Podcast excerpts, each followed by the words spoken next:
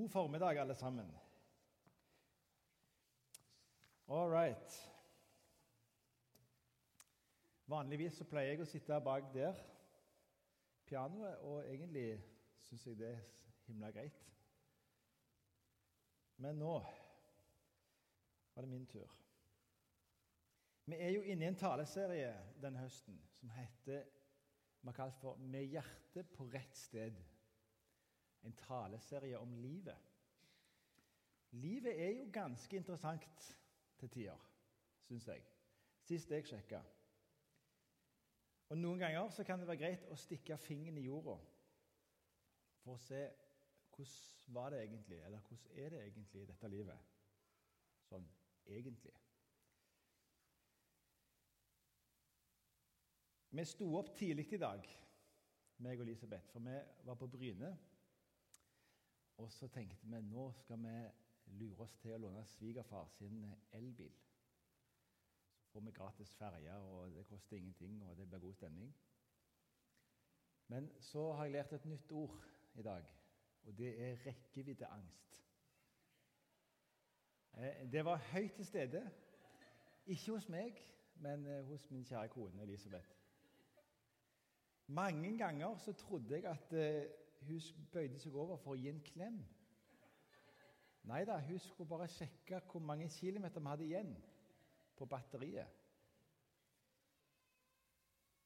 Så det endte med at vi skrudde av varmeapparatet, vi skrudde av vifta, vi skrudde av alt det kunne skrus av, og satt med ulltepper og frøys.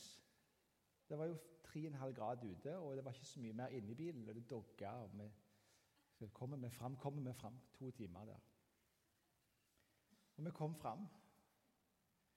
Det var det jeg visste, tenkte jeg.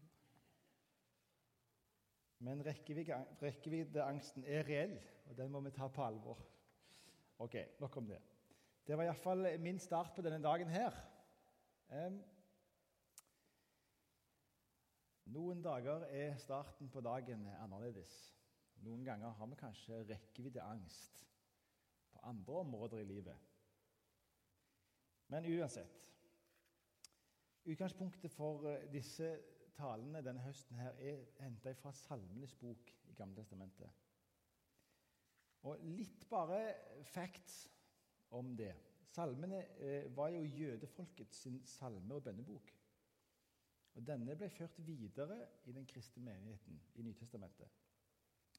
Og Salmene i denne boken den bes og synges og resiteres av troende i hele verden den dag i dag. Og Luther kalte den for en bibel i miniatyr og alle helliges bok. Og Så tenker vi jo mange at det er jo David som har skrevet disse salmene. her. Det stemmer ikke. Han har skrevet 73 av dem, og det er 150 salmer. Moses har skrevet én salme, annet. Salomo har skrevet to. Asaf har skrevet tolv. Og Koras barn har skrevet elleve. Så det er 50 som mangler overskrift. Og så er det jo interessant at salmene, Grunnen til at vi har tatt det her, er jo at salmene rommer hele livet. Fra glede og trygghet og forventning til lengsel, uro, angst, fortvilelse og bønn. Det er liksom hele spekteret. Og det er godt fordelt ut. Det er ca. halvparten av hver. Men dagens salme, det er salme 42. Og Det skal vi snart lese sammen. Jeg skal be en liten bønn bare først. Herre, jeg takker deg for denne dagen. Jeg takker deg for livet som du har gitt oss. Hjelp oss du å leve det, Herre, fullt ut. Og Velsign denne dagen, og må du tale til hjertene våre gjennom dette. her. I Jesu navn vi ber. Amen. Ok, Salme 42. Der står det til korlederen en læresalme av korasangerne. Og litt effekt, bare et lite øyeblikk med denne. De var en tallrik levitisk sangslekt, og sangslekt, det kan vi like. Kora var, eh, eh, eh, var, sønnen til en av Moses sine fettere. Så liksom plasserte han i landskapet. Og Sammen med et par andre så gjorde han Kora opprør mot Moses når de var på ut av Egypt og inn mot det lovede land. Så gjorde de opprør, og så ble de straffa. Og hør på dette De ble straffa ved at jorda revna og oppslukte de. Alle folka deres og eiendommene. Men noen av Koras sine sønner tok ikke del i det opprøret, og de overlevde. Og det er salmene til deg som står i, i Salmenes bok. Og dette er salme 42. Det er en av deres salmer. Da kan vi lese sammen. Bli gjerne med og les hvis du vil det, så får vi det både ut munnen og inn øret. Som hjorten lengter etter bekker med vann, lengter min sjel etter deg, min Gud. Min sjel tørster etter Gud, etter den levende Gud. Når skal jeg få komme fram for Guds ansikt? Tårer er mitt brød dag og natt. Hele dagen spør de meg, hvor er din Gud? Dette minnes jeg, min lengsel veller fram. Til Guds hus vandret jeg i festskaren med jubelrop og lovsang.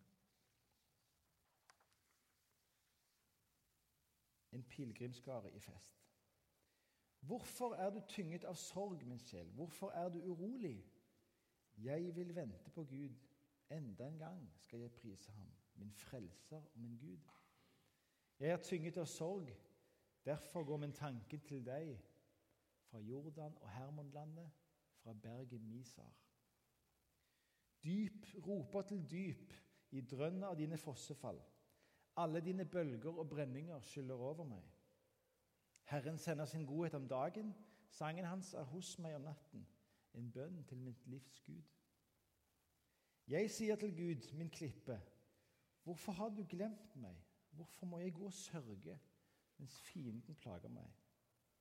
Fiendens hån går gjennom marg og bein. Hele dagen sier de, hvor er din Gud? Hvorfor er du tynget av sorg, min sjel? Hvorfor er du urolig? Jeg vil vente på Gud. Enda en gang skal jeg prise ham, min frelser og min Gud.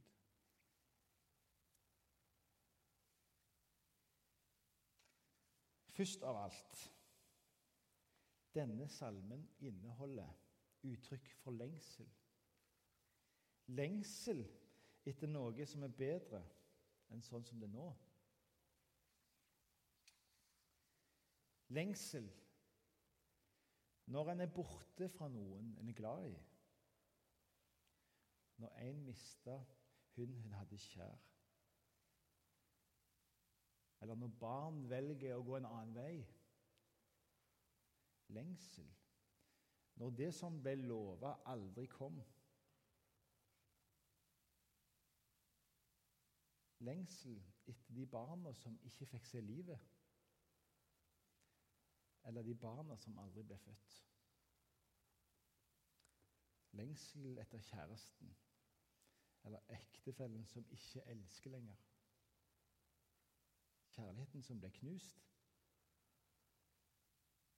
Eller lengsel etter at livet skulle vært bedre, men helsa har gjort det vanskeligere. Nærheten som forsvant. Avstand. Jobben som forsvant. Lengsel etter å få det til å gå rundt økonomisk. Eller lengsel til den der nye bilen. Eller lengsel til ekte kjærlighet og nærhet. Første vers i denne salmen her, så står det 'som hjorten lengter etter bekker med vann'. Sånn lengter jeg til deg, Gud. Det er et beskrivende bilde om hvordan lengselen driver oss, og som faktisk kan tære vårt indre. Men det som er litt interessant her, det er jo at forfatteren av salmen setter ord på hvordan livet er. Og da tenker jeg ja, det er lov å si hvordan det er. Fortvilelsen blir uttrykt ikke bare én gang, men om igjen og om igjen. Tårer er mitt brød dag og natt. Ja, jeg har bedt til Gud i årevis, sier du kanskje. Jeg vet at det nytter å be, eller tror iallfall det. Kanskje er det flere enn meg som har opplevd det sånn som salmisten skriver, at folk rundt oss sier mellom linjene Ja, du tror på Gud, men hvor er han da? Hvor er din Gud? Det er akkurat som at jeg av og til kan høre at det er det de tenker. Situasjonen forblir den samme, på en måte. Salmisten minner seg sjøl om det som har vært. Og i lyset av det så veller lengselen fram om hvordan det var. Det var så mye bedre da. Husker du det? I festgården til Guds hus.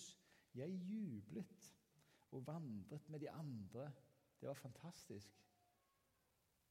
Så godt så fint det var.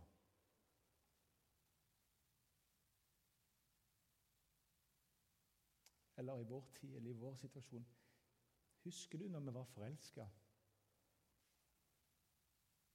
Husker du hvordan vi så på hverandre?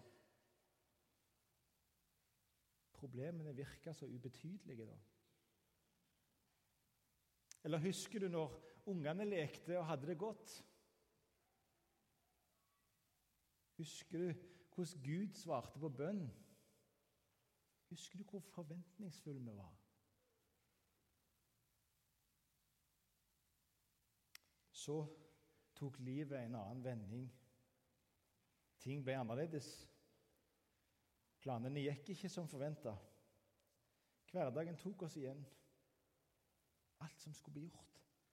Tida strakk ikke til. Og så begynte vi å kompensere. Vi reiste, gikk ut og handla. Shopping. Eller kanskje flytting. Kanskje det blir bedre hvis vi flytter til en annen plass. Eller kanskje en ny farge på den veggen i stua der hadde hjulpet. Så hadde vi følt det litt bedre, i hvert fall. Eller bare en liten ny ting til på så mange måter så driver vi med brannslukking av den lengselen som vi egentlig har. Så dekker vi den til med en ting her og en ting der. Og Nå sier ikke jeg at eh, verken reiseshopping eller en ny farge på veggen eller en ny bil nødvendigvis alltid er kompensering. Noe av dette kan være helt nødvendig noen ganger. Men jeg tror litt for ofte så kan disse tingene bli en, en slags ti, eh, kortvarig nytelse og kompensasjon for den lengselen som egentlig ligger der inne en plass.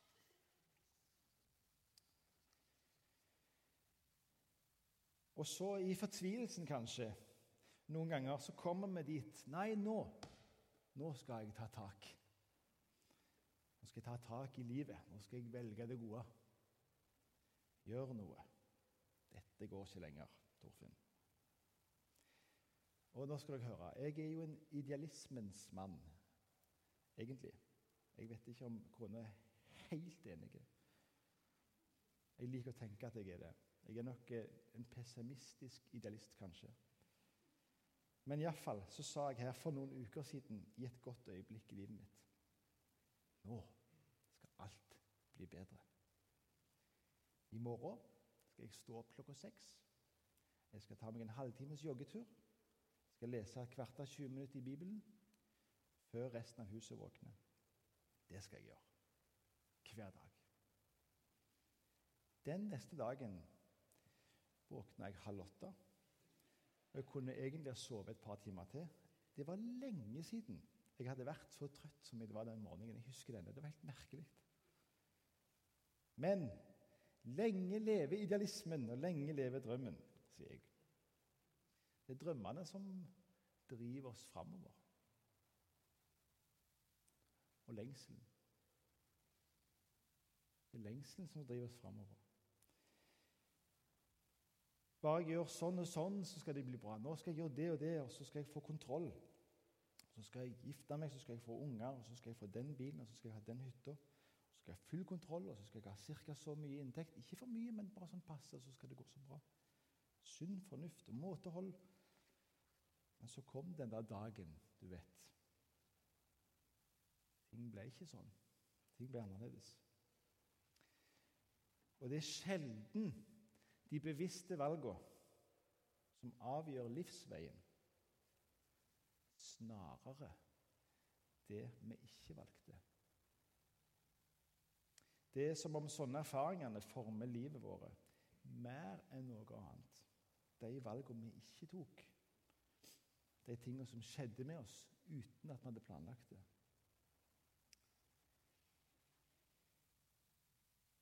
Ikke alt vi møter i livet, har en hensikt.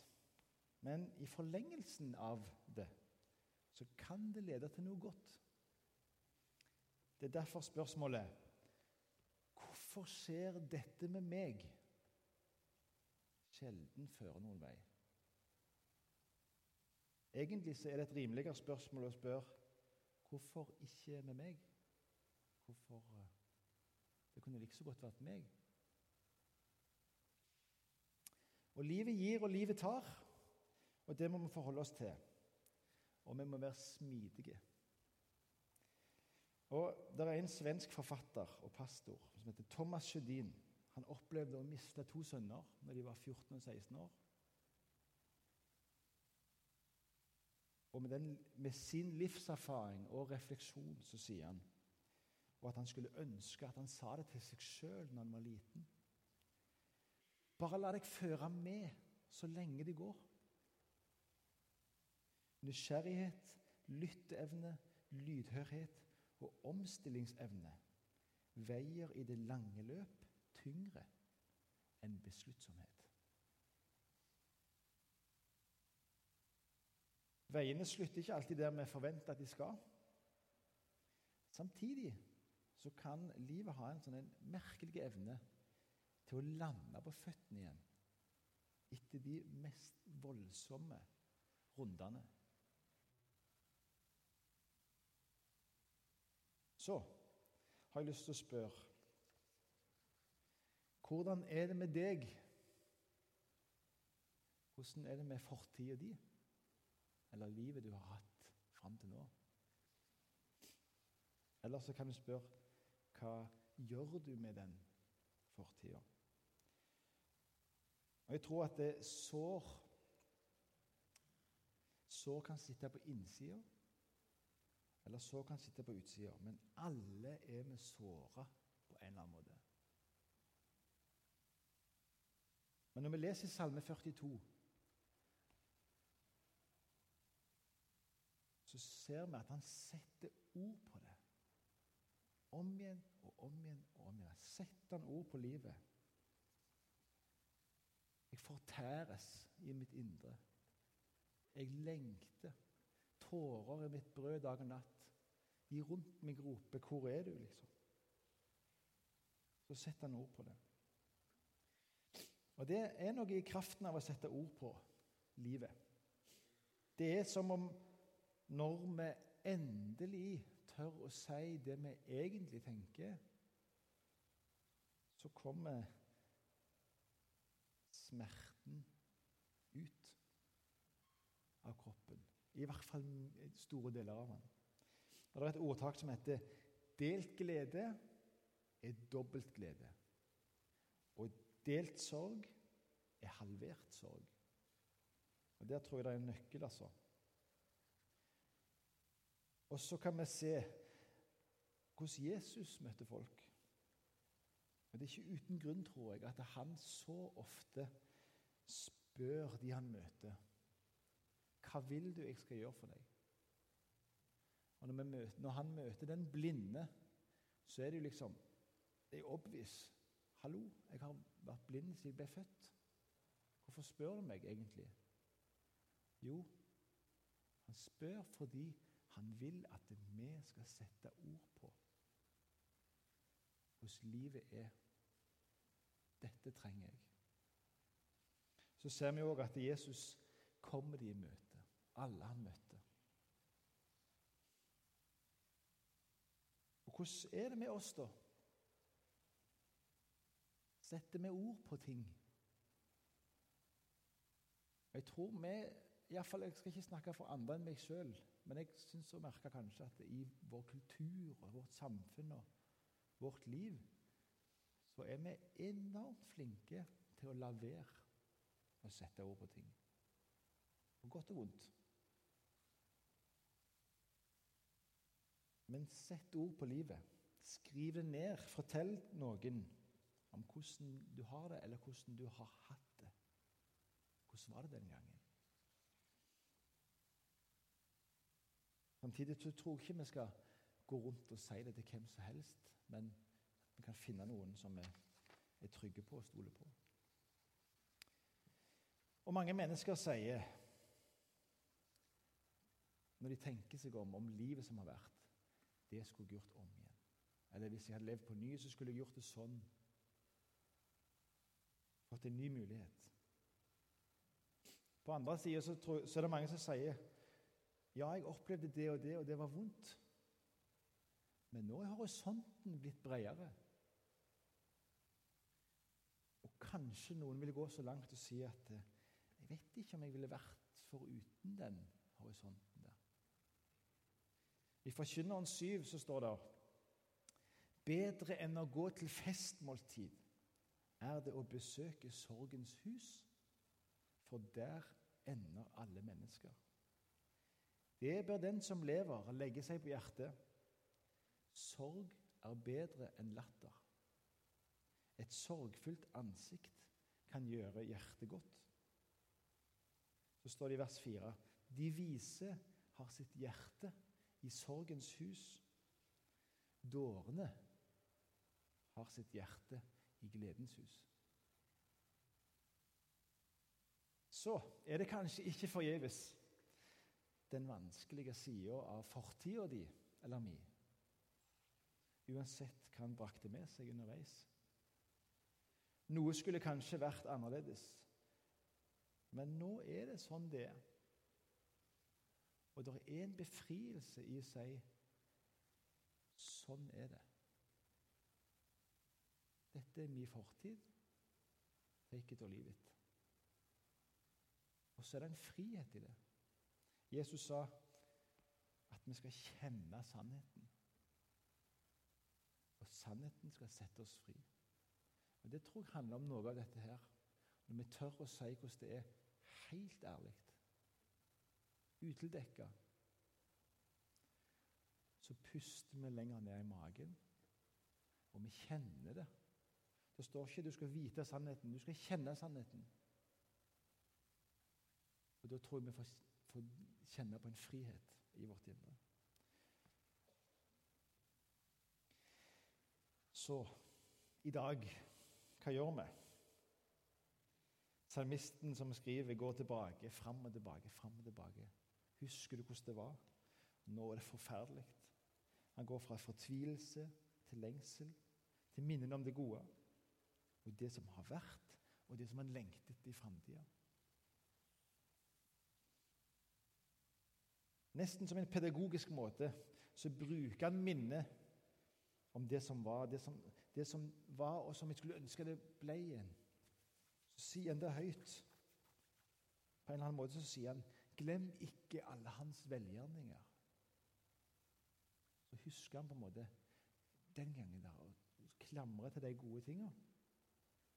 Så er han ærlig og sier at det, sånn er det ikke nå.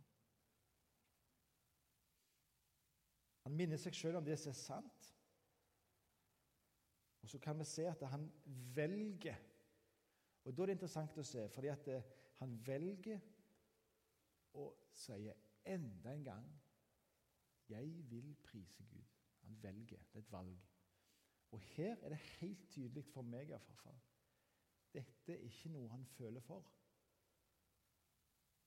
For tårer er hans brød dag og natt. Han har angst, han er fortvila. Men jeg velger, midt i det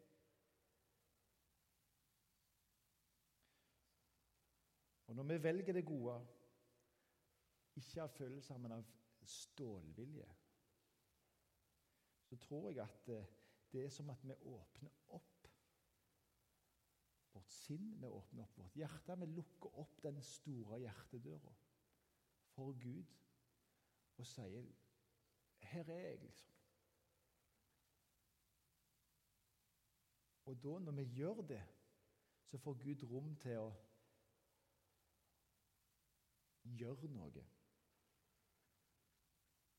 Og jeg tror at det, eh, det ligger en nøkkel i dette med ærlighet.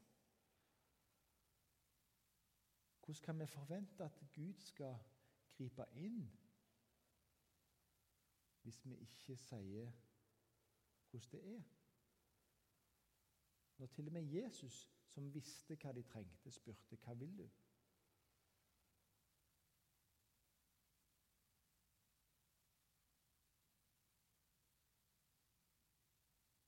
Det står i 1. Johannes dersom vi bekjenner våre synder, er han trofast.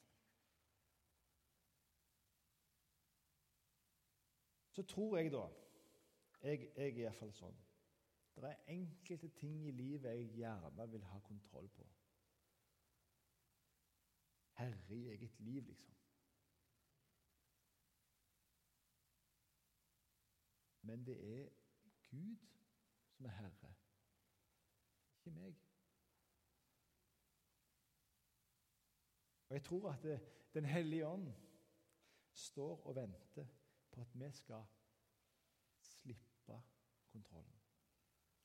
Gud, kan du fikse det, og kan du fikse det, kan du fikse det, men ikke fiks det, eller Vi snakker ikke om det, men fiks det og fiks det. Og, men ikke det, det trenger ikke snakke om nå. Sånn? Og jeg tror at den enkleste måten å unngå et nært forhold til Gud, det er å unngå synd, på en måte. Lev et godt liv. Vær god mot alle. Gjør alt rett. Det var det storebroren til den bortkomne sønnen gjorde. Han gjorde alt rett. Men likevel så var det sånn avstand til faren der. På den andre sida var det den bortkomne sønnen gjorde det motsatte. Selvrealisering på høyt nivå.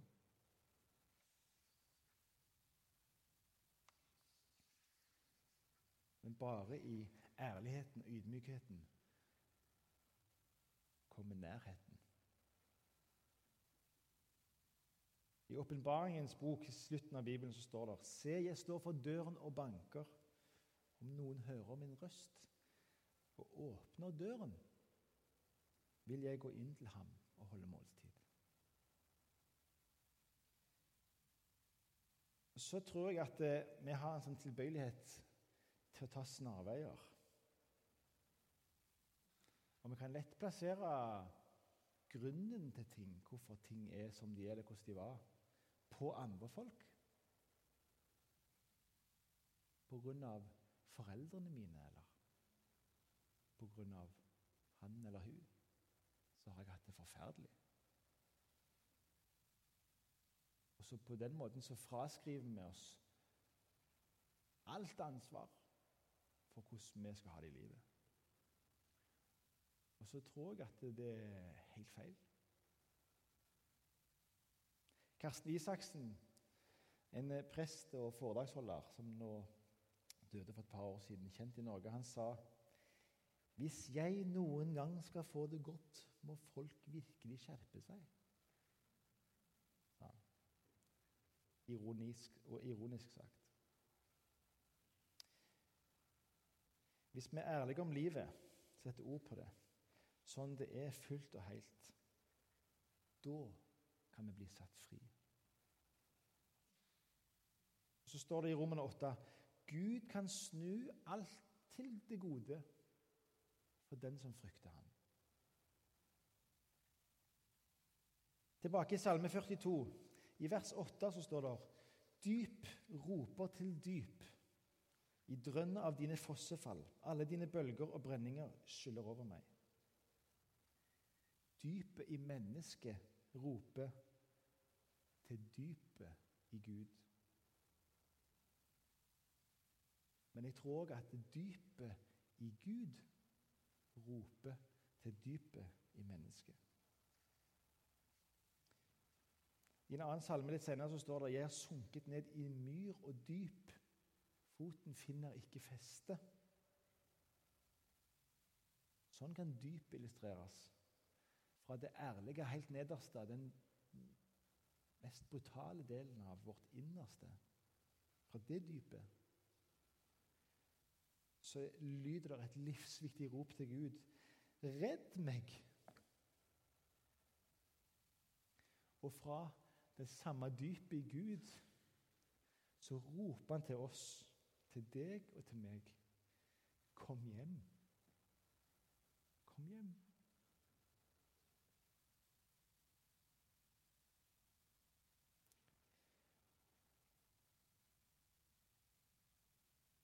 Står det i drønnet av dine fossefall, bølger og brenninger skyller over meg.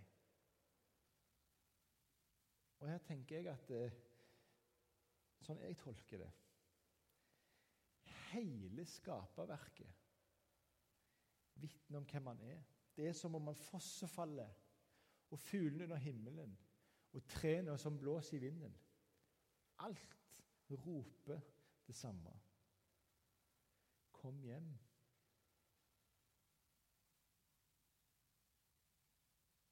I vers 9 står det Herren sender sin godhet om dagen. Sangen hans er hos meg om natten. En bønn til mitt livs Gud. Det er som om Gud til, er, til enhver tid roper Kom til meg, jeg vet hva du trenger. Hører du ikke sangen som jeg synger over deg? Jeg synger over deg hele veien. Det var jeg som skapte deg. Så til slutt Hva nå? Ja, fortiden er det den var, og livet er sånn det er nå. Hva med veien videre? Salamisten skriver 'Jeg vil vente'. Enda en gang skal jeg priser ham. Det ser ut som det er ren stålvilje og ingen følelser for å gjøre det, men en ren stålvilje. Følelsene er et helt annet sted.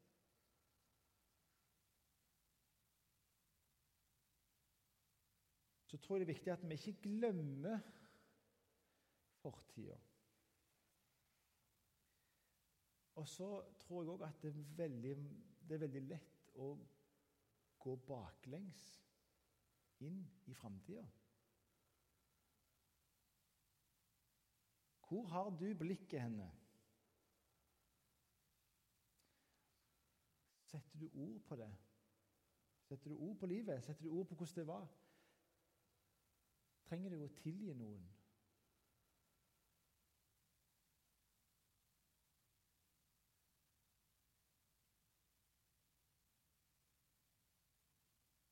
Kan dette liksom gå, gå sånn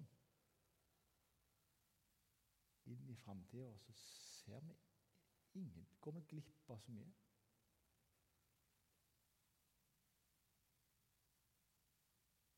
Så har du det klassiske spørsmålet når du en gang skal dø. Hva vil du at folk skal huske om deg? Det er et ransakende spørsmål. Hvordan vil du bli huska? Og Da er det svært få som ramser opp alle tingene de eier. Eller alt de kjøpte, eller alt de klarte å oppnå. I karriere og eiendom. De aller fleste sier åh, jeg skulle ha elska mer. Tilgitt mer. Jeg skulle ha brukt mer tid med ungene mine.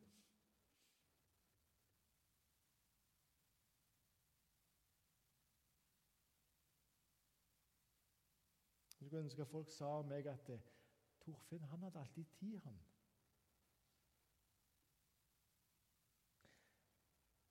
Er det noe jeg har i dag, så er det ikke tid. altså. Jeg har det travlere enn noen jeg kjenner, føler jeg. Kanskje vi så enkelt skulle gjort det at eh, vi stiller oss det spørsmålet Hva vil vi at folk skal huske om oss? Og så skriver vi ned, eller så sier vi det til de nærmeste.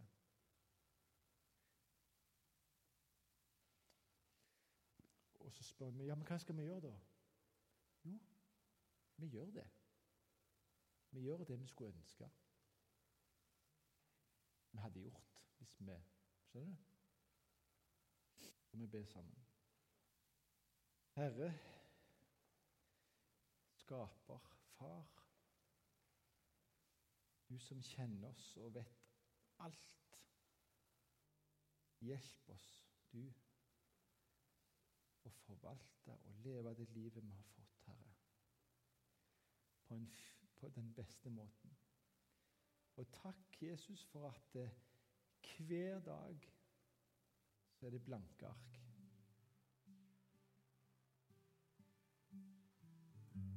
Og Hjelp oss å gi oss sjøl til deg på nytt, og på ny og på ny og på ny og på ny.